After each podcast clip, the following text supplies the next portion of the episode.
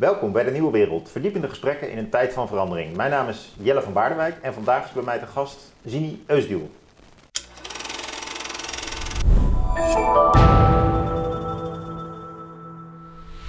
Zini, leuk dat je er bent. Dank u wel.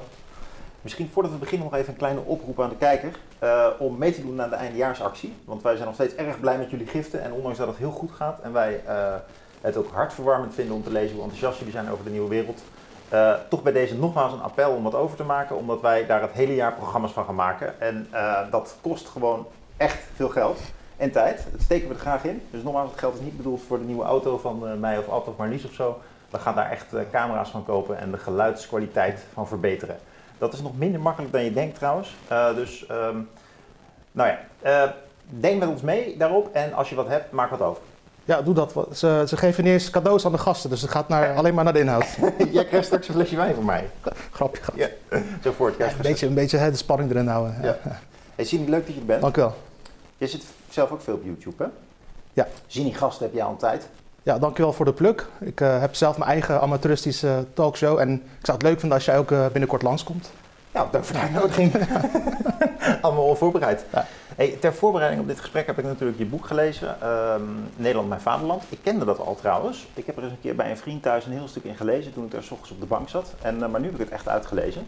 Vijf jaar oud, daar wil ik het graag over hebben. Het gaat over migratie. Uh, de kijker kent jou behalve over het, uit het uh, migratiedebat ook wel, denk ik, van je ja, toch wel politiek gekruide commentaar in de NRC, Vrij Nederland, tegenwoordig bij EW, het voormalige Elsevier. En dan heb je het zeker niet alleen over migratie, maar over politiek in de breedte en over de ja, managementstijl van Mark Rutte. Uh, en op jouw Twitter-profiel, jouw veelbezochte Twitter-profiel, waar ik ook erg van geniet, zag ik een foto van Pim Fortuyn. Ja. En Pim die had natuurlijk ook een column in uh, Elsevier, ja. net als jij. En ja. ik dacht van ja, het is dus kennelijk ook een held van je. Misschien kunnen we daar even mee openen. Van, wat, wat betekent Pim Fortuyn voor jou? Ja, ik vind het leuk dat je daarmee begint. Um, ik zal het gewoon ronduit zeggen. Ik zie mezelf als een soort geestverwant van Pim Fortuyn. Uh, misschien zelfs onbescheiden gezegd de opvolger van Pim Fortuyn. En dan niet per se compleet qua inhoud. Ik was bijvoorbeeld toen al en nog steeds niet altijd eens met zijn een aantal van zijn economische ideeën. Maar als je terugkijkt naar wat Pim Fortuyn destijds allemaal zei, hij was bijvoorbeeld altijd heel consistent. En dat zijn we vergeten. Hè? We, we, we, vermoorden profeten. En dan creëren we een beeld van de profeet die past binnen, de huidige, binnen het huidige moraal. Maar het is niet altijd per se wat de profeet bedoelde. Pim Fortuyn die nam het consistent op voor de vrijheid van meningsuiting van zijn tegenstanders. Hij zei altijd, haatimams moeten dat kunnen zeggen. En ze moeten niet vervolgd worden. Dat is de crux van vrijheid van meningsuiting. De vrijheid van de meningen die jij haat, daar moet je voor staan, zei Pim Fortuyn. En daar was hij consistent in. En een aantal mensen, politieke bewegingen, die claimen zijn opvolging te zijn, die willen boeken verbieden, zoals de Koran bijvoorbeeld. Pim Fortuyn heeft dat nooit gezet en nooit gewild. Dus ik kan heel veel voorbeelden geven, maar wat ik echt waardeerde aan Pim Fortuyn was dat hij intellectueel consistent was. Hmm. En altijd probeerde de ja, toch wel benauwde, uh, nauwe randen van een van wat je wel en niet mag zeggen in Nederland, om je toch, toch te rekken voor iedereen. En dat vind ik nog steeds heel waardevol en uh, misschien zelfs meer nodig dan ooit.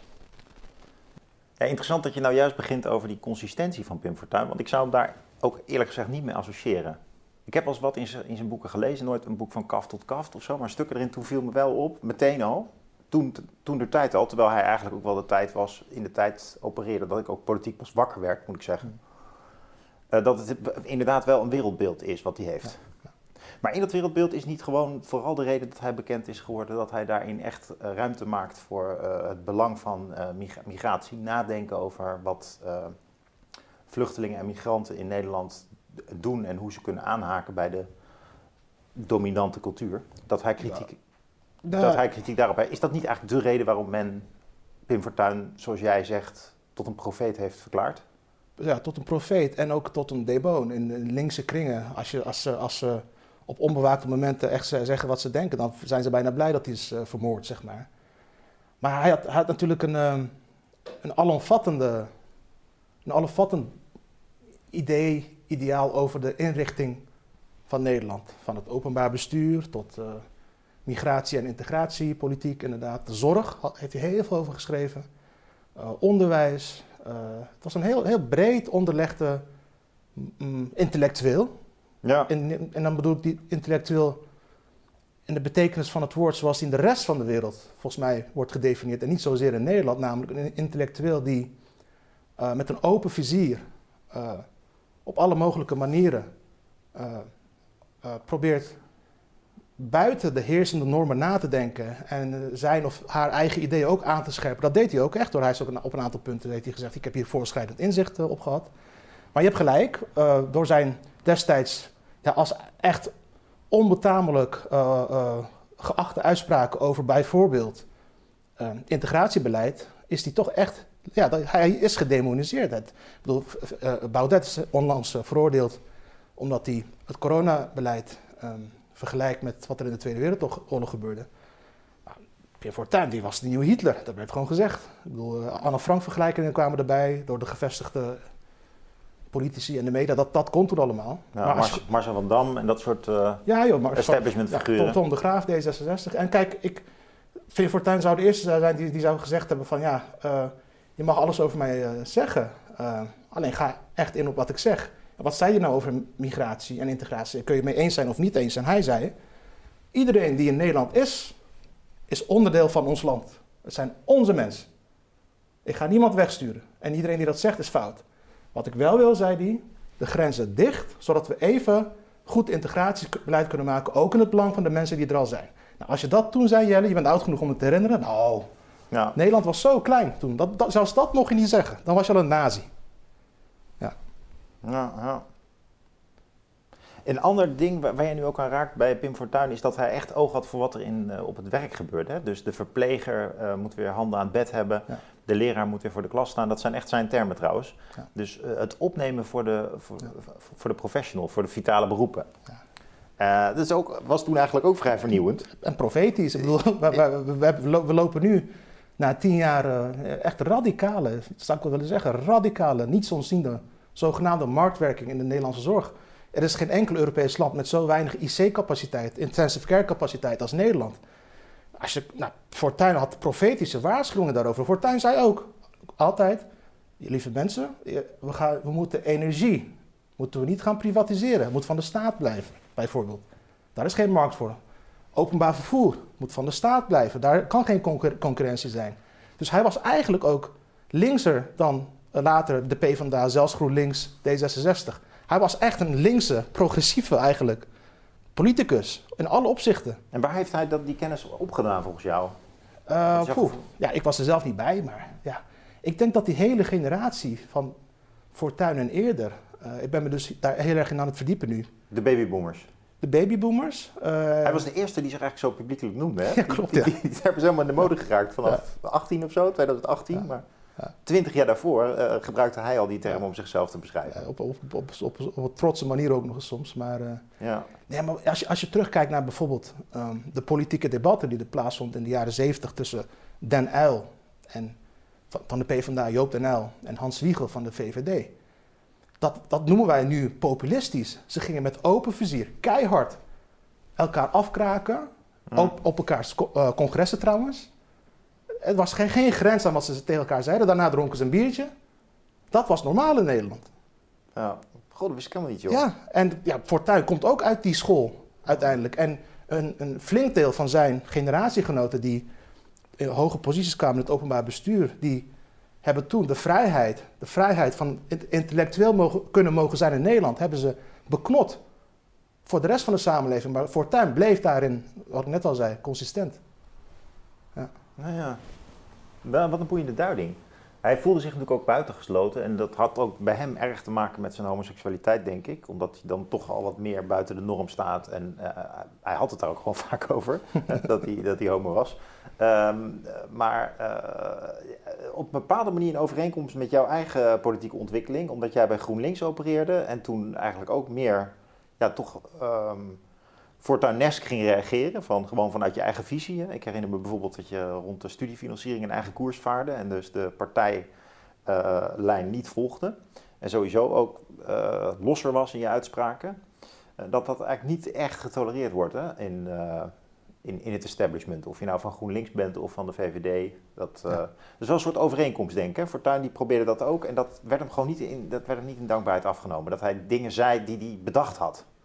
En dat hij zich niet conformeerde aan wat hoorde.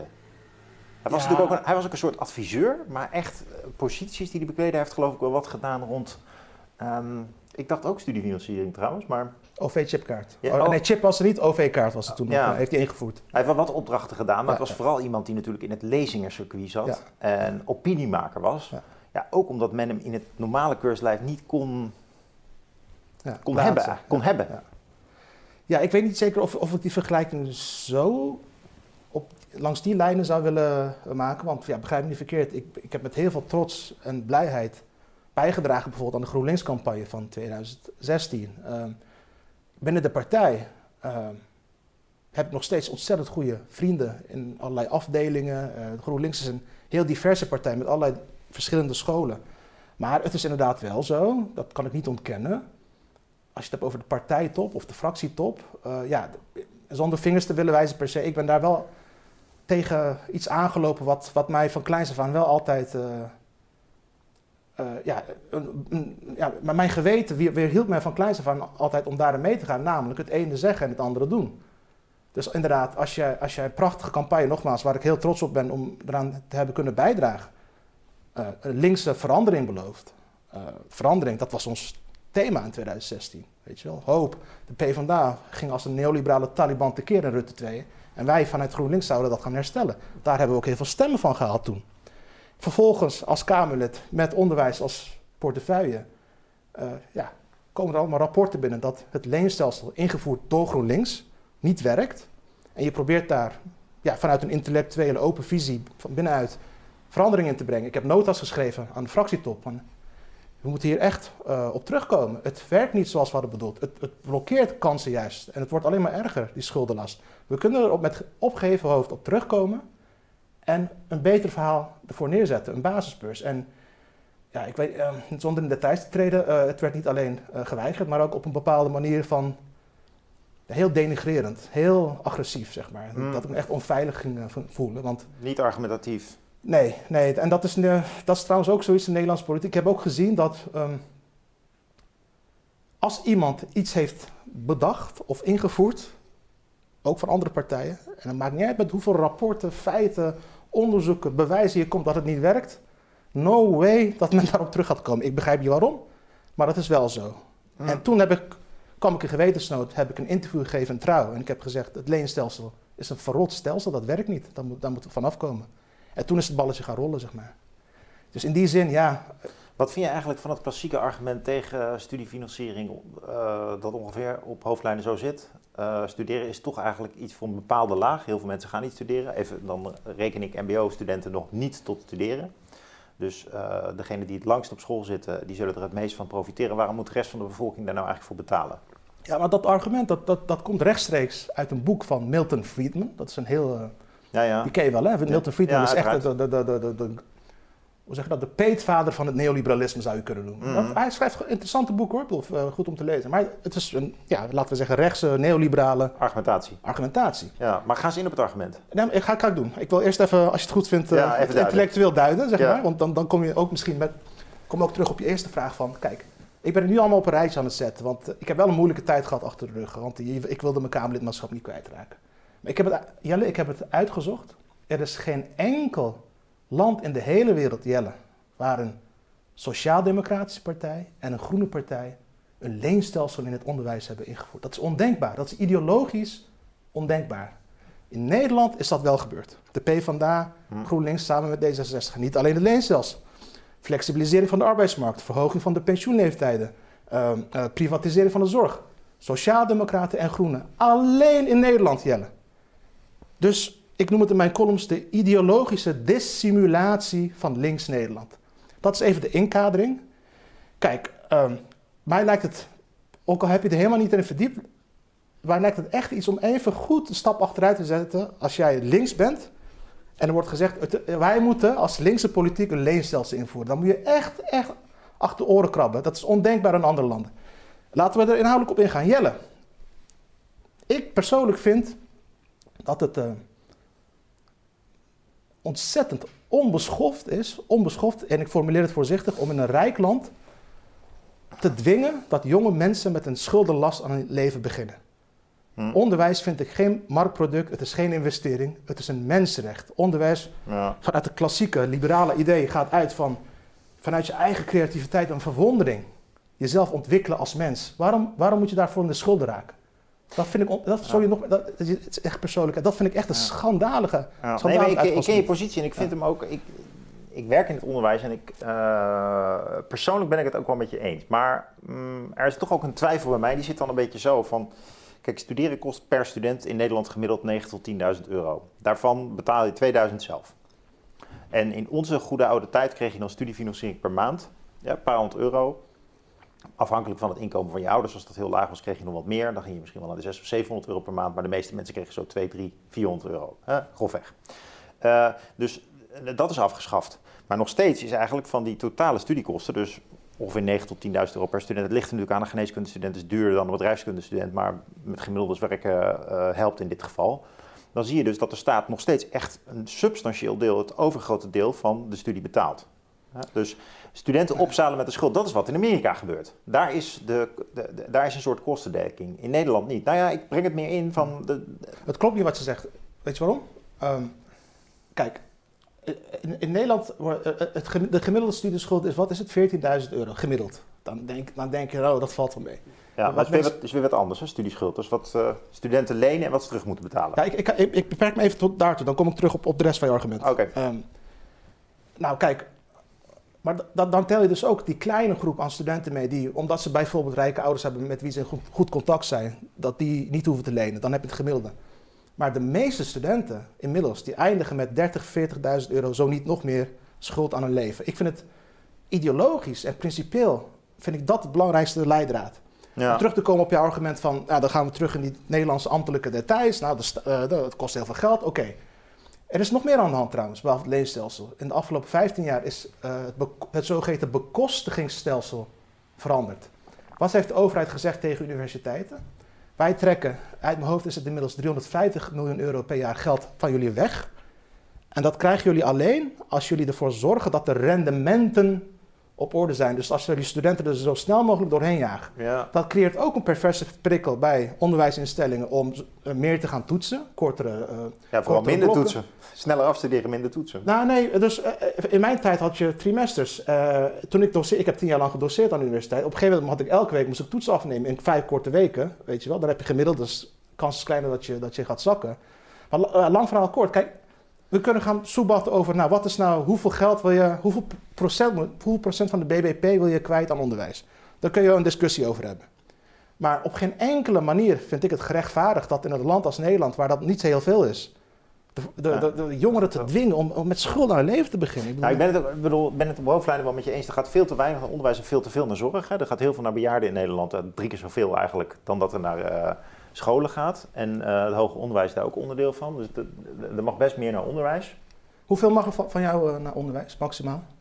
Wat is dan het plafond? Nou, ik, ik, ik, ik- de vraag is denk ik meer hoe. Ik weet niet of er een plafond is. Ik denk wel dat er in de politieke discussie, zeker in kranten, wel eens wordt vergeten dat eh, geld op één manier kan worden uitgegeven. hè. Dus je, kan, je kan niet overal extra aan investeren. Waarom niet? Nou, waarom wel? Zoveel geld hebben we niet. Hoezo, hoezo niet? Nou, hoe, hoe, dat- is, hoe is Nederland rijk geworden na de Tweede Wereldoorlog? Wil je weten wat voor begrotingstekorten we hadden? Wat Ja. voor schulden we hadden? Nou, dat blijft toch ook speculatief. Hè? Kijken wat je er later voor terugkrijgt. Dus je ziet Ja. nu. Dus ik denk wel, in, in ieder geval is dat een politieke ruimte van hoeveel schulden wil je maken om te investeren. Maar ik denk wel dat eh, onderwijs sowieso niet zozeer een kostenpost is en wel een investering. Dus er mag best meer in. Ja, dat, dus we hebben een lerarentekort bijvoorbeeld op de basisschool en de middelbare school. Daar mag echt wel meer geld heen. Dat heeft ook duidelijk gelijkheidseffecten en vrijheidseffecten. Maar dat hoger onderwijs, of het daar nou zo bekort is zoals men zegt. Nou ja, daar moeten we maar een andere keer gesprek over hebben. Ehm, maar in ieder geval op hoofdlijnen wat jij zegt nu. eh, kijk, die, die studieschulden, hè, dat is, jij zegt dus eigenlijk van ja, als je mensen met 40.000 euro de arbeidsmarkt opstuurt, dat moet je niet willen. Dat is een, is, er valt niet te ruimen met links gedachtegoed. En, en eigenlijk moet je dat misschien sowieso ook meer rechts gezien niet willen. Het is wel redelijk nieuw, want inderdaad voor onze generatie had je niet zoveel studieschulden. Ja, joh, er is geen enkel Europees land, behalve Engeland, waar dat van toepassing is. Ja, maar goed, mijn, mijn, mijn relief in de argumentatie is meer van... het is nog steeds zo, ondanks die studieschuld... dat de overheid daar wel flink geld bij legt. Ja, dus Ja, maar ja, ja, ik vind dat geen argument. Absoluut niet. Want dat is nou de- ook het probleem van, van Nederland. Van, ook toen het werd ingevoerd, dat leenstelsel. Er was geen enkele intellectuele of filosofische discussie of debat voorafgaand. We, opeens gaan we het zo doen en het werd geregeld. Er waren een paar extreem, extreem linkse, en daar was ik blij mee, studenten die her en der een plukjes gingen protesteren. Maar voor de rest niemand die het erover had. Godzijdank hebben in 2015 jonge mensen in Amsterdam eh, het Maagdenhuis bevrijd. ja. Ik noem het bevrijd en niet bezet. ja nee, dat ben ik helemaal je Waardoor, waardoor we het eindelijk eens een keer gingen hebben over dat hele rendementsdenken, Ja. schuldenstelsel. Ja, Maar voor de rest, eh, dat, er is dus nooit in Nederland een uitgebreide fundamentele discussie voordat we grote veranderingen eh, doen. nou, die discussie is wel, maar die wordt in de marge gevoerd. Die wordt niet serieus Ja, genomen. dat- dat ik, ja. En dan komen we ook op de, rol van de, de kritische rol van de media. Ja, Of die er überhaupt is. Maar daar komen we zo meteen, eh, zo meteen vast op. Ehm, dus nu hebben we het een beetje die vergelijking met Fortuyn gehad. En eh, de discussie over eh, het leenstelsel en jouw eh, politieke tijd. Eh, maar rond die tijd publiceerde jij ook je boekje Nederland, mijn vaderland. Daar had ik het al even over net. Het is eigenlijk maar een dun boekje. Dat is wel leuk, dunne boekjes vind ik. Want ik kan gewoon één avond uitlezen. Ja. En ehm, ja, wat me nou opviel bij herlezing, het is een heel ander onderwerp, zie niet, maar dat weet je zelf ook. eh, is dat jij in 2005 eigenlijk dingen op de kaart zet die sommige mensen al wel wisten. Vooral in bepaalde eh, technisch eh, geëngageerde tijdschriften. Bijvoorbeeld institutioneel racisme, die wij in de maatschappij pas de afgelopen twee, drie jaar Ja. overal voorbij zien komen. Dat zal wel een vreemd gevoel voor jou zijn, of niet? Ja, ja ik, ben Of- blij, ik ben blij dat het nu overal wordt besproken. Alleen ik ben niet blij met op de, manier waarop. Eh, kijk, in mijn, boek, in mijn boek verwijs ik ook bijvoorbeeld naar Philomena Asset. Dat is een antro- Nederlandse antropoloog die in 1984 promoveerde op institutioneel racisme in Nederland, alledaags racisme. Echt een geweldig proefstuk geschreven. En dat bracht ze ook later uit als eh, publieksboek. en Jelle, dan komen we weer terug, eigenlijk weer terug op hetzelfde met Fortuyn. Ook zij werd toen finaal geëxcommuniceerd door Nederland. Door links Nederland en door rechts Nederland. NRC noemde Philomena Asset een pretentieuze warhoofd. Omdat ze het überhaupt aandurfde om te, om te suggereren dat er racisme bestaat in Nederland. En zij is gevlucht. Eind jaren 80 of 1990 is ze in Amerika carrière gaan maken aan de universiteit. Want daar mag je wel dingen bespreken. Eh, nou, ik heb het in mijn boek eh, geprobeerd weer te agenderen. Nou, dat is, dat is gelukt. En in mijn boek beschrijf ik ook van... Kijk, als je het gewoon heel precies bekijkt... Even, even, ik ga je niet vervelen nu met de historische achtergrond Nou, van verveelt me niet mee, racisme. Maar eh, er zijn een aantal concrete, concrete eh, plekken in Nederland waar er hardnekkig racisme is. De arbeidsmarkt. Al sinds 1986 weten we uit uitgebreid wetenschappelijk onderzoek dat als jij en ik beide solliciteren op een, en nu komt die, representatieve functie in het midden- en kleinbedrijf, dat ik bijna geen kans maak en jij wel. Dat heeft allerlei redenen, ga ik ook niet mee vervelen. Wat begint dan met jouw naam? Sini Eusdeel? ja, maar het, begint, het is nog erger. Het is ook een soort van marktwerking. Omdat als ik, als ik eh, werkgever was, ik nu met mijn kleur, zou ik ook geen kleurling aannemen. Weet je waarom? Dan heb ik minder klandizie. De klant wil geen gekleurde mensen zien. Dat is een onbewust proces in Nederland. Echt waar, het is een soort, soort marktwerking. Eh, We hebben evenveel kans eh, in het hogere, zogenaamd hogere segment. Ja, ik lach er een beetje op. Ja. Ik lach er een beetje om, omdat ik vind het voorbeeld van het MKB heel leuk. Dus laten we dat vooral aanhouden, want anders hebben we het altijd alleen maar over musea en zo. Ehm, ik lach er ook een beetje om, merk bij mezelf, niet alleen uit Cheyenne, maar vooral ook omdat het volgens mij echt het afgelopen twee jaar helemaal veranderd is. Nou, het is, Dus het is, het is, het is nu eigenlijk zo, je kan het tv niet meer aanzetten of je ziet iemand met kroeshaar. Het is Ja. natuurlijk nooit, het is Nee, natuurlijk nooit een stereotype Turks of Marokkaans iemand Nee. uitziend. Hè? Het is altijd een, een beetje Hey, een, een, ik noem het grachtengordel kleurlingen, noem ik het. Daar ben ik er zelf ook een van, hè. Maar, maar kijk, het punt is dus, eh, in plaats van dat de afgelopen zes jaar eh, er in Nederland een oprechte, fundamentele, intellectuele discussies ontstaan over van, hè, wat is nou institutioneel racisme? Waar vindt het plaats? Hoe vindt het plaats? Jelle, ik vind het echt verschrikkelijk wat er nu gebeurt. Het, nu, discours is nu, de, de, de knop draaide opeens bij de grachtengordel. De grachtengordel was voor Zwarte Piet, zijn we inmiddels vergeten. Femke Hasma was voor Zwarte Piet. Op een gegeven moment merken ze, hé, hey, wacht eens even. Die, die tokkies, die witte tokkies, die zijn wel fel. Daar willen wij niks mee te maken hebben. Dus wij zijn nu opeens ook antiracistisch. Maar op welke manier? Het discours is nu niet wat ik heb geprobeerd te bereiken, namelijk een intellectuele discussie. Nee, wit zijn, Jelle, is a priori fout. Jij als witte man moet sowieso je mond houden over racisme. En jij moet wit huiswerk maken. Dat bestaat echt, ik verzin niet. Wit huiswerk, dat is een lijst aan boeken die jij moet lezen. En daarna moet je alsnog je mond houden. dat is letterlijk het discours. Ik vat het even kort samen. Ja. Uh, uh, maar dat is, dat is in de grachtengordel. Hier bij de Nieuwe Wereld doen we er niet aan mee. Nou, maar wacht maar, wacht maar. Dat komt ook op de Leiden Universiteit. Uh, het, laten we zeggen, um, ant, zogenaamd antiracisme in Nederland is inmiddels, het wordt ook wel woke genoemd tegenwoordig. Ik waarschuw er ook voor in mijn boek. Het is een instrument. Een in 2015 waarschuwde jij voor woke? Ja, het woord bestond nog niet. Maar aan het eind van mijn boek waarschuw ik voor dat het niet moet doorslaan naar racisme tegen witte mensen. Dat dat niet de oplossing is. Oh ja. En we zien dit nu gebeuren. Uh, het ja. is een instrument, een wapen geworden om de witte onderklasse te weren uit het openbare leven. Het zijn vooral witte wokies die er hard in gaan, die zelf hun posities nooit opgeven, Jelle, maar die wel anderen de les lezen. Witte boomer wokies. Ja, nee, het is echt, ik vind het echt, ja, we lachen er wel om, maar ik, ben, ik maak me heel erg zorgen om hoe dit gaat eindigen, dit hele proces. Ja? Ja. Ik neem het toch ook een beetje waar als een enorm groot toneelstuk hoor. Als een façade. Zo van, um, we proberen er wat aan te doen met reclames en beleid. Ja. Maar of er nou echt zoveel aan gebeurt. Nou ja, goed, Nee. de distributie van eh, belangrijke posities in de maatschappij is natuurlijk nu wel echt al langs, langs lijnen dan Ja. van ben je Ja. vrouw en kom je uit een eh, migrantenmilieu. Dat is al wel heel belangrijk. Niet de belangrijke posities. De topposities blijven wit. Maar het gaat, om, het gaat meer om een, het beleiden van, het, van de juiste religie. Maar die, die, die, die discriminerende stagegevers heb je helemaal gelijk in. Dat, dat, er verandert niks aan de arbeidsmarkt. Nou, bij de MKB'ers niet, nee. Nee, precies. Dus het, maar maar bij, bij, bij de instituties wel, ja.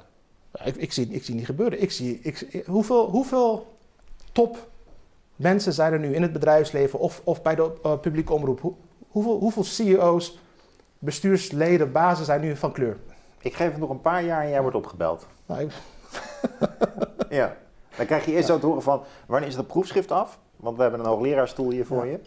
Uh, en, en, daarna, daarna van- word ik NPO-baas en dan zorg ik dat, je, dat jij op primetime... eh, Mooi, laten we daarop toosten. Ehm, in dat boek, eh, Nederland mijn vaderland, schets je ook dat eh, de um, migratiegeschiedenis in Nederland eh, niet zomaar zeg maar, een gevolg is van feitelijke processen, maar die hebben we zelf geestelijk en institutioneel aangestuurd. Dus jij zegt eigenlijk die segregatie die we hebben, dus het splitsen van de bevolkingsgroepen, het feit dat je wel witte en zwarte scholen is niet helemaal het goede woord over, want dat is wel heel Amsterdamse of Rotterdamse om te zeggen, maar wel die splitsing van uh, groepen naar migratieachtergrond. Ja. Uh, dus uh, de, wat iedereen wel herkent, dus ook uh, van, op, in het straatbeeld als ook op scholen, dat je dat ziet. Je zegt eigenlijk dat dat hangt toch samen met onze manier van tolereren en wat wij eigenlijk officieel verstaan onder migreren. Ja. Kun, je dat, kun je dat eens toelichten? Ja, het is echt fascinerend, Jelle. Ik ben zelf toevallig afgestudeerd op de Arabische, sorry, de, de Arabische migranten naar de Verenigde Staten. Tussen 1880 en 1924. Toen gingen grote groepen mensen uit Polen, Italië, Ierland en ook uit Arabische landen naar Amerika om als gastarbeider te werken. Hmm. De meeste van die groepen, uh, voor met name de Arabieren, zijn binnen één generatie geassimileerd. In Amerika? In Amerika. Italianen en Ieren duurden duurde wat langer, maar het ging heel snel. Uh, als we naar Nederland kijken, jaren 60, wat is het nu? We zijn al 60 jaar verder. Vierde, vijfde generatie beland. Het is, ja, ik ga het hier ronduit zeggen, het is een compleet gesegregeerd apartheidsland, uh, Nederland. En hoe komt dat nou? Zou je die term echt willen gebruiken, Absoluut, Zini? absoluut. Apartheid? Apartheid is een Nederlands woord, hè? Het is, uh, Hendrik Verwoerd is geboren in Amsterdam. Ik ja, maar apartheid suggereert een andere burgerlijke status. Uh, nee, want Hendrik Verwoerd, de man die de apartheid in 1948 invoerde in uh, Zuid-Afrika, die werd toen geïnterviewd. Van, hé, hey, wat is dit voor rare fratsen? Wat zijn dit voor rare fratsen, Hendrik? Wat is het voor woord? Wat, hij zei, nee, luister eens. Wat is voor apart woord? Maar hij zei, wij, zijn, wij, zijn juist, wij zijn juist multicultureel, zei Hendrik. Wij willen mensen niet dwingen te vermengen als ze dat niet willen. Wij willen, de, uh, wij willen verschillen vieren, zei hij. Daarom hebben, voeren wij apartheid in, zodat elke gemeenschap oh? zelf kan blijven. Dus het was, eigenlijk, ja, het was eigenlijk een soort ander woord voor diversiteit. Exact. Dat, en dat meende hij op, oprecht. In de, in de uitwerking is het natuurlijk nooit zo. Want je hebt altijd met, te maken met machtige groepen en minder machtige groepen. En vanuit diezelfde culturele bagage, het is heel Nederlands, heel Nederlands, heeft Nederland uh, integratiebeleid gemaakt vanaf de jaren 80. Wat gebeurde er? In 1983 kwam er de minderhedennota. En daarin werd gezegd, die gastarbeiders gaan blijven. En, en, uh, Maar we gaan nu integratiebeleid maken. En toen werd er gezegd, wij zien religie als het belangrijkste instrument, ik citeer nu, voor de emancipatie van minderheden. In een tijd dat Nederland zelf aan het ontkerkelijke en aan het ontzuilen was. Vanuit die minderhedennota is de daaropvolgende 30 jaar, zijn uit het land van mijn opa bijvoorbeeld, de grijze wolven, dat zijn Turkse nazi's, uh, uh, moslimbroederschap, ultra, ultra conservatieve religieuze groeperingen zijn naar Nederland geïmporteerd. Bakken met subsidiegeld gehad en nog steeds krijgen ze die om de integratie te bevorderen. Denk daar maar eens even over na, Jelle. Ja. ja. De grijze wolven, dat zijn letterlijk Turkse nazi's, worden nog steeds in 2021 Wat bedoel je met het woord nazi? Uh, uh, grijze wolven zijn nazi's. Je bedoelt echt gewoon... letterlijk, het zijn Turkse fascisten. Oh, die, worden, die worden nog steeds... Ja, oh, ja, ja, Dat zijn zo, daar zijn ze zelfs trots op. Die worden gesubsidieerd nog steeds, Jelle, voor de integratie. Wauw. Ja, dit is de situatie. En apartheid, uh, apartheid is eigenlijk, net als de verzuiling vroeger, het gevolg van tolerantie. Nederland is een heel tolerant land, al sinds de 16e eeuw. In de zin van anderen maar hun ding laten doen. Ja, het is nog erger. Uh, ik, ik, in mijn boek citeer ik Sint Augustinus. Ik vind dat Sint Augustinus de beste definitie heeft van tolerantie. En nu komt, kan ik eindelijk, heb ik iets aan mijn gymnasium, ik ga het in het Latijn citeren. Sint Augustinus zegt, tolerantia non est nisi in malis. Dat betekent, tolerantie bestaat niet zonder het kwade. Sint Augustinus bedoelt daarmee, wanneer een samenleving ophoudt met het vermoorden van deviante mensen, deviante meningen. Wanneer een samenleving ophoudt met het vervolgen van deviante zaken, is het een tolerante samenleving. Maar dat betekent niet dat die samenleving die deviante groep of mensen als gelijkheid ziet. Je, we, hakken de, de, koppen niet meer af, maar we willen ook niks meer mee te maken hebben. Je zag het in de 16e, 17e, 18e en 19e eeuw met de katholieken in Nederland. Die werden getolereerd. Maar die moesten vooral in schuilkerken zitten. Er, was, er mocht geen vermenging zijn. Dat zit in het culturele archief, in het DNA van Nederland bijna. Tolerantie, verzuiling, segregatie, apartheid, multiculturalisme. Maar wat, is er, wat is er precies mis mee? Want als ik het even positief uh, vertaal, uh, tolerantie in de zin van iemand doet iets wat jij abject vindt, hè, bijvoorbeeld zijn vrouw helemaal in doeken wikkelen.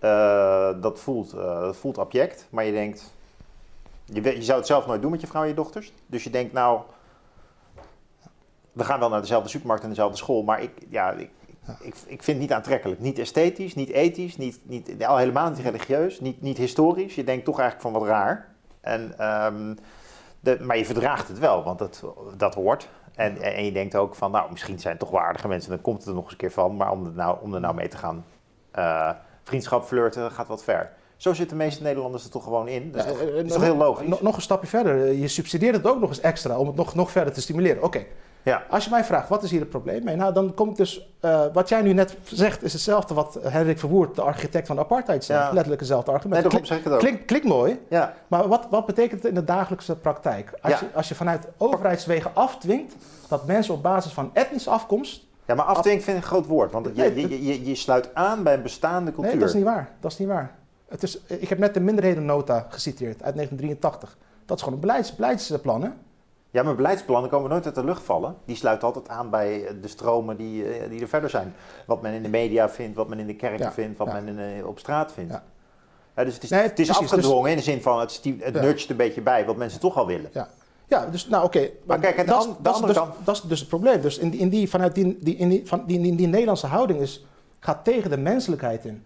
In Amerika, hoe komt het dat die groepen zo snel assimileerden? Er was geen integratiebeleid vanuit de overheid. Die mensen moesten gaan vermengen om, om rond te kunnen komen, weet je wel. Dus als je, als je het, wat de reden ook mogen zijn, als je dus vanuit overheidswegen afdwingt dat mensen op basis van etnische afkomst apart van elkaar leven. Want voor zwarte mensen deed Amerika dat ook, hè? De, de, de Jim Crow-wetten, dat is gewoon multiculturalisme. Zuid-Afrika, het Nederlands multiculturalisme. Als je dat vanuit overheidswegen afdwingt, Jelle, dan krijg je een samenleving van rassenscheiding, even plat gezegd. Dan kun je zeggen, ja, als ze gescheiden leven, maar voor de rest geen last van elkaar hebben, is prima. Ik vind dat niet prima. Nou, het is toch heel pijnlijk dat dit gebeurd is in Nederland. Dus eigenlijk zeg je, uh, het sluit wel aan bij, bij, bij, de menselijke natuur, bij de, bij nee, de, bij de Nederlandse natuur. Dat is wat anders dan de menselijke natuur. Ja, het, past aan, het, sluit aan. heel wat anders dan de menselijke natuur. Het sluit aan bij de Nederlandse cultuur. En we versterken dat met beleid. En dan krijg je dus een, een, uh, een, een migratiediscours, een manier van migreren, die, die niet meer op een gegeven moment los komt te staan van de rest. Dus dat is die segregatie. En daar worden mensen dan boos over en die moeten dan eigenlijk onder ogen komen dat het zo gelopen is, eigenlijk terwijl ze het hadden kunnen voorkomen. En nu hebben we dat dus al vanaf Fortuin hebben we dit in beeld, eigenlijk. Nou, in 2015 heb jij het ook nog scherp verwoord. En hoe kunnen we nou nu de volgende... Is dit nog bij te sturen dan? Nee, ik heb de hoop opgegeven. Heel eerlijk. Ik, vind het fijn om het met jou nog een keer over te praten. Het is, het, we hebben de boot gemist. Jelle, we zijn nu bij de vierde, vijfde generatie. Jonge, jonge Nederlanders die hier zijn geboren. Hun overgrootvader kwam in Nederland.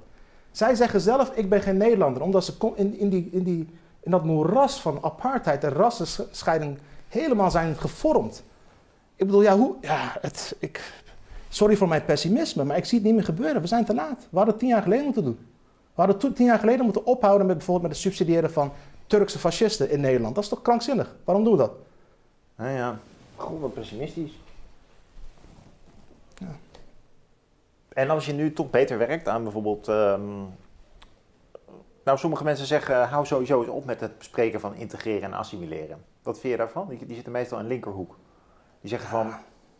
Het bewuste willen integreren is ook dat mislukt ook steeds. Dat, zo'n burgerschapscursus en dat. dat je, ja, ik weet niet precies. Men, men, vindt het ook een soort van koloniaal om te zeggen, nu nog te proberen om die mensen dan meer te laten assimileren op een typisch Nederlandse manier. Zo van, we zijn niet meer de dominante groep, uh, laat die mensen... Dus dat is een andere interpretatie van het vraagstuk nu. Hè? Mensen die zeggen, ja, mm, ja maar uh, die zouden mijn vraag ook in die zin koloniaal vinden. Die vinden eigenlijk dat ik nog te patriarchaal denk, te veel denk van nou, we gaan het alsnog fixen. Hè? We gaan alsnog zorgen dat ze integreren.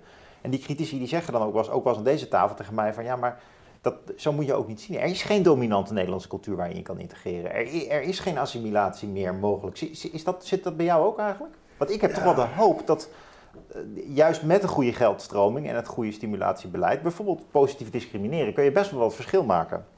Vergeet niet dat heel veel vrouwen nu in bestuurlijke topposities daar zitten omdat er gewoon beleidsmakers zijn die codes volgen waarin ze zeggen, nou, er moet hier gewoon 30% van de bestuurders moet vrouw zijn. Dat is gewoon een regel die moet worden toegepast. Als je die niet toepast, dan stopt, dan stopt de subsidie. Dat zie, dat zie je toch op... Ja.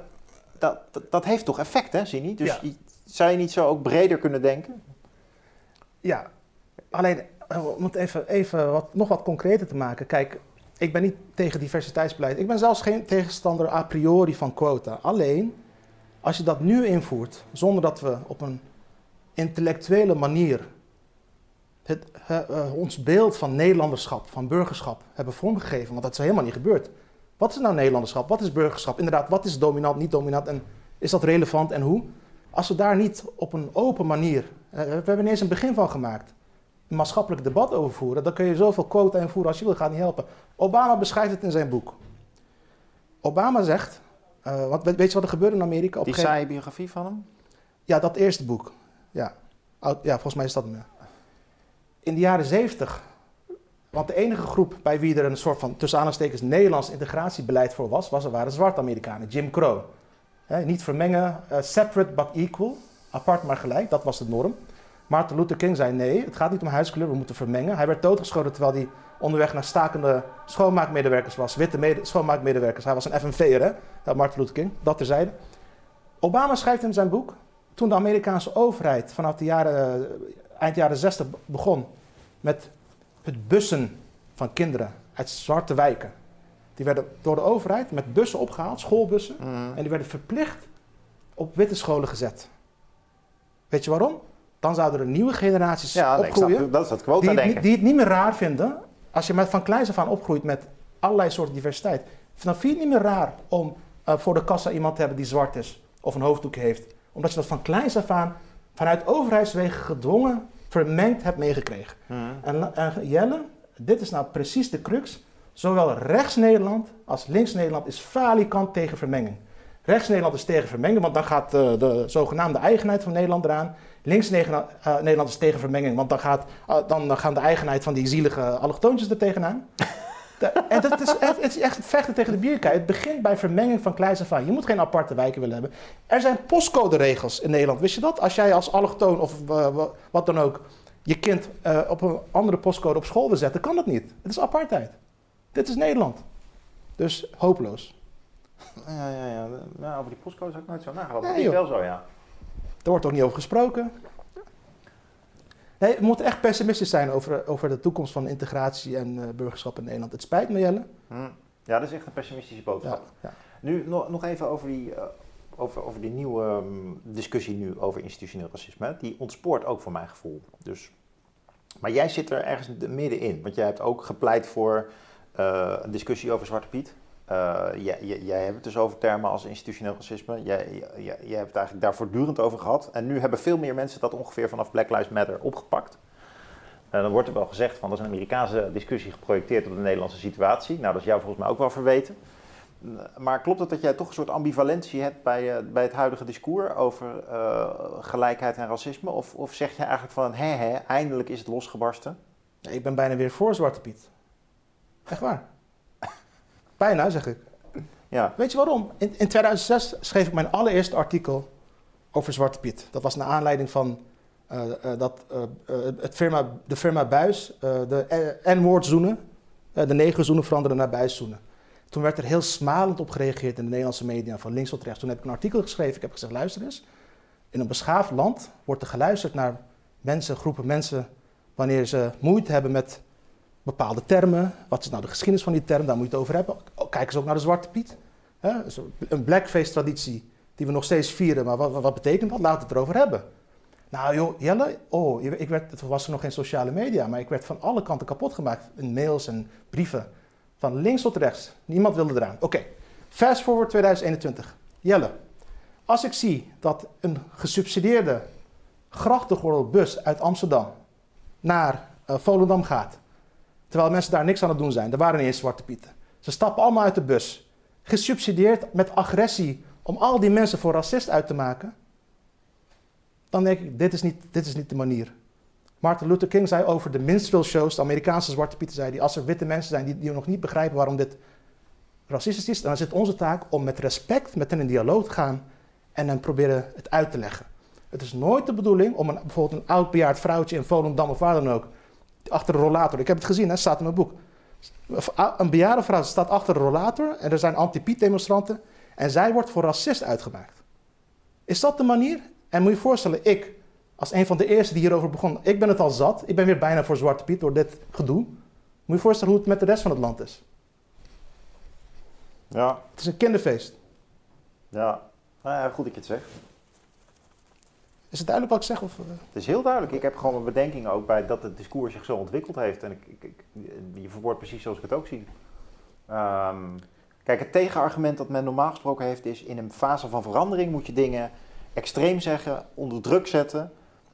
zodat ze echt veranderen. Dus zo zal die uh, Zwarte. Pieters racismebeweging ook op haar eigen ontwikkeling terugkijken. Want je zet druk en daardoor verandert er iets. Ja, en we, eh, maar ze blijven eigenlijk vasthouden aan dat extreme drukzet. Ja, het, het, is, het, was in 2011 uh, dat twee um, activisten, Jerry en Quincy, die inmiddels ruzie hebben met elkaar trouwens, maar dat terzijde, die, die, deden, die waren vreedzaam aan het demonstreren met een zwart, uh, zwarte Pieter racisme t-shirt bij een, bij een intocht. Die werden in elkaar geknuppeld door de politie, verschrikkelijk. Maar toen kwam de discussie landelijk op gang. Dat er in die tijd iets radicaler uh, aan toe ging, snap ik. Maar we zijn nu tien jaar verder, man. Ja. Het wordt niet alleen radicaler, het wordt ook nog eens gesubsidieerd vanaf de, vanuit de grachtengordel om die die, die minderwaardige tokkies die nog steeds niet begrijpen dat Zwarte Piet fout is. Die bejaarde vrouw achter een rollator in mm. Lutjebroek. Die moet vernederd worden. Die moet uh, uh, ja. agressief bejegend worden. Het is grappig dat je dat zegt nu. Dat ja, maar, dat toch, maar, wat vind jij daar nou van? Nou, is, dat verschrikkelijk? Ik wil de volgende gedachte nog bij je voorleggen. wat vind jij er nou van? Ja, ik ga er nu op in. Oké. Okay. Uh, over het algemeen gesproken zie je nu die, die, die, dat frame van het institutioneel racisme wordt ook gebruikt als een verklaring voor mensen hun ongenoegen. Dus veel mensen zijn gekwetst en hebben natuurlijk ook niet het leven dat ze zouden willen. Hè, wij als uh, zeg maar bijna 40 uh, mannen begrijpen heel goed. Dat op een moment kijk je terug op je leven. Ja. Denk aan de film Druk ook en uh, is dit alles. Hè? en je krijgt toch wel sterk het gevoel bij de antiracisme-strijders dat zij al hun ongenoegen zoeken in de onderdrukking van migranten. Hè? Van um, mensen van een andere kleur, mensen die een andere geaardheid hebben, mensen van een andere gender uh, mensen van een andere klasse. Je hebt wel eens het gevoel, en dat wil ik graag aan je voorleggen, dat dat uh, discours van denken over diversiteit ook misbruikt wordt. En dat mensen zeggen van ja, ik zit in deze positie en ik ben gekwetst omdat ik bijvoorbeeld uh, queer vrouw met een migratieachtergrond ben. Dat, dat, dat, vind ik vervelend aan de manier waarop het zich nu ontwikkeld heeft. Een soort, soort ver, gebrek aan realisme over hoe moeilijk en uh, hoe weerbarstig het leven ook kan zijn. En dat, en dat vind ik ook irritant aan dat soort bezoeken aan ehm, volkswijken. Dat, dat, dat, mensen die in een zekere militante naïviteit eigenlijk een soort van, wat ze omarmen natuurlijk die Zwarte Piet nu ook juist, hè? dat is de andere kant, ze omarmen hem juist, dus hij wordt kapot gemaakt, symbolisch in de media, en dan gaan ze hem juist omarmen. Uh, maar dan gaan ze zich daartegen afzetten en eigenlijk doen ze dat alleen maar omdat ze op zoek zijn naar een machtsconstructie waar zij de dupe van zijn. En daar zijn ze zo opzichtig naar op zoek. En dat gebeurt ook, vind ik, op universiteiten en in de media. Het, je zoekt eigenlijk, als je onderdrukt wil worden, dan zoek je natuurlijk een onderdrukker. Ja. Maar ik wil niet bagatelliseren dat er institutioneel racisme is. Dus dat, dat is mijn eigen ambivalente positie daarin ook. Als ik hoor hoe lastig het is om te solliciteren als uh, Marokkaanse Nederlands, uh, als iemand met een Marokkaanse naam. Ja, dat is, dat is heel confronterend. Hè? Dus, uh, en dat moet je ook oplossen. Als je dat niet kan oplossen, is het op een goed moment gelegitimeerd om te spreken van institutioneel racisme. Maar je moet wel uitkijken dat je niet denkt dat uh, als jij ergens zomaar gesolliciteerd dat je leven dan zomaar in één keer lukt. En dat, dat, dat, daar wringt de schoen zo stevig bij mij. Je, je, volgens mij beschrijven het uitmuntend, echt. En dit is nou het mooie. Er wordt helemaal niet gesproken over institutioneel racisme in Nederland. Waar, ja, ze, ze, gebruiken het woord wel. Maar ze gebruiken het woord als een soort van uh, reclamebord om arme witte mensen te vernederen, nogmaals. Het, er zit ook een bewuste agenda achter.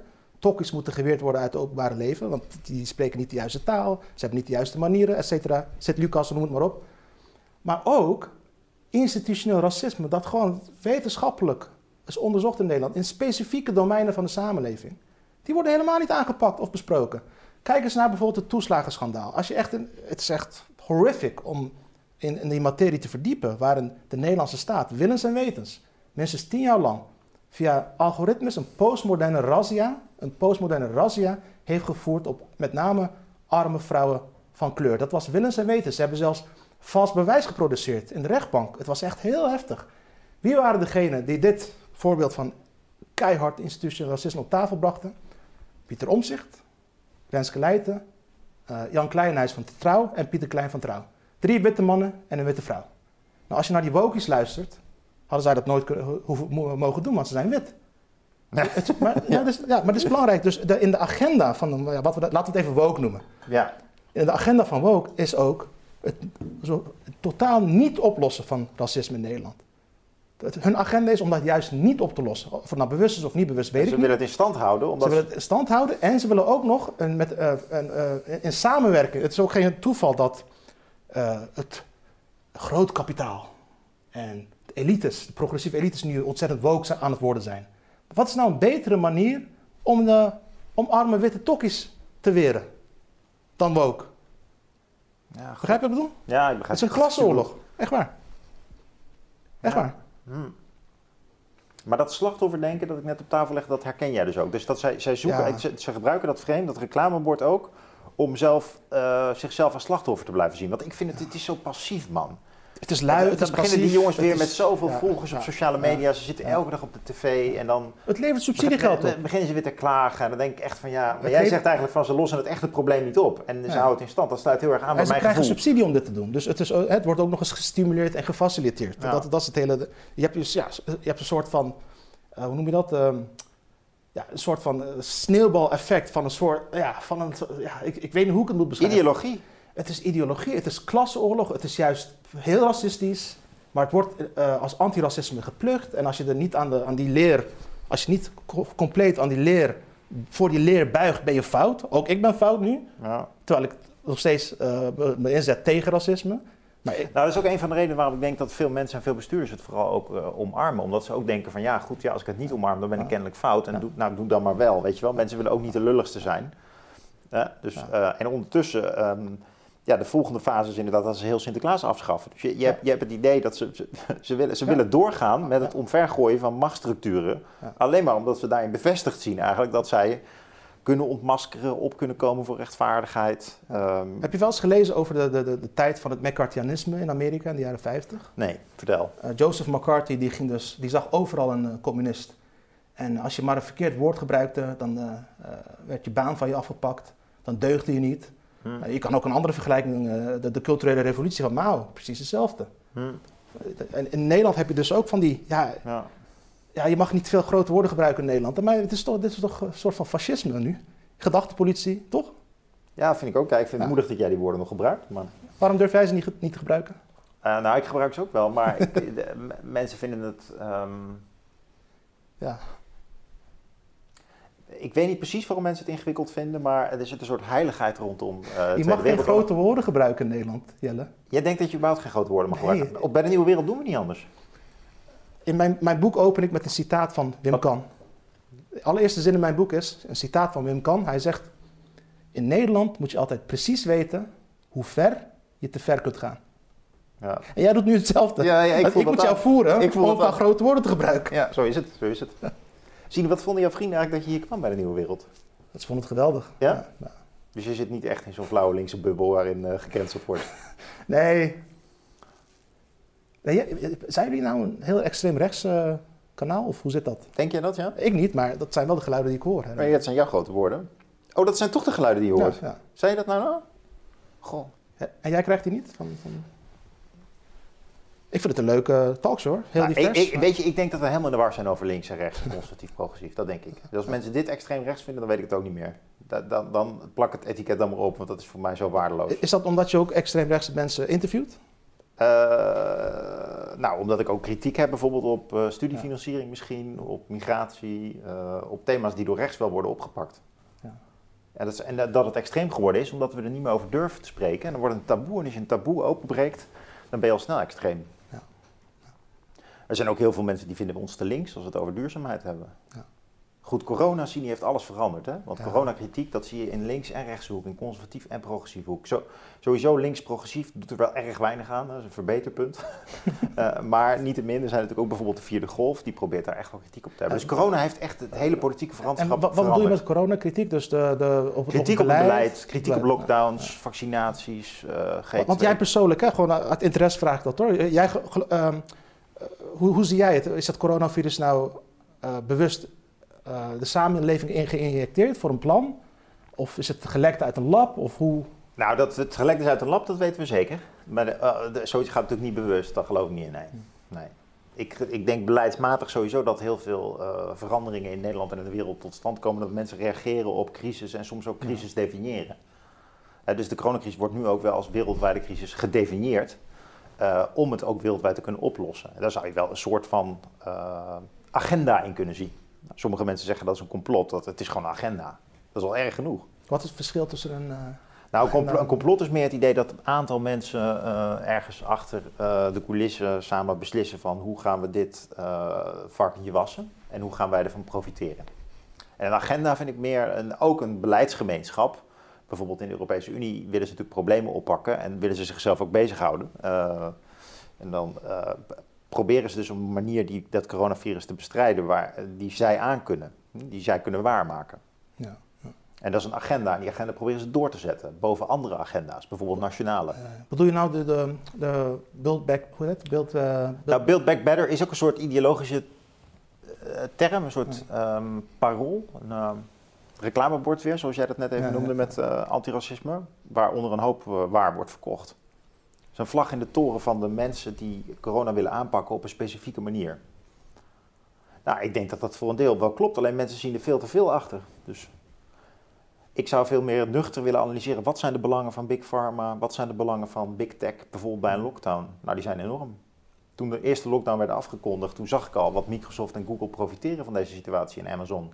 Dus die staan te applaudisseren bij een lockdown.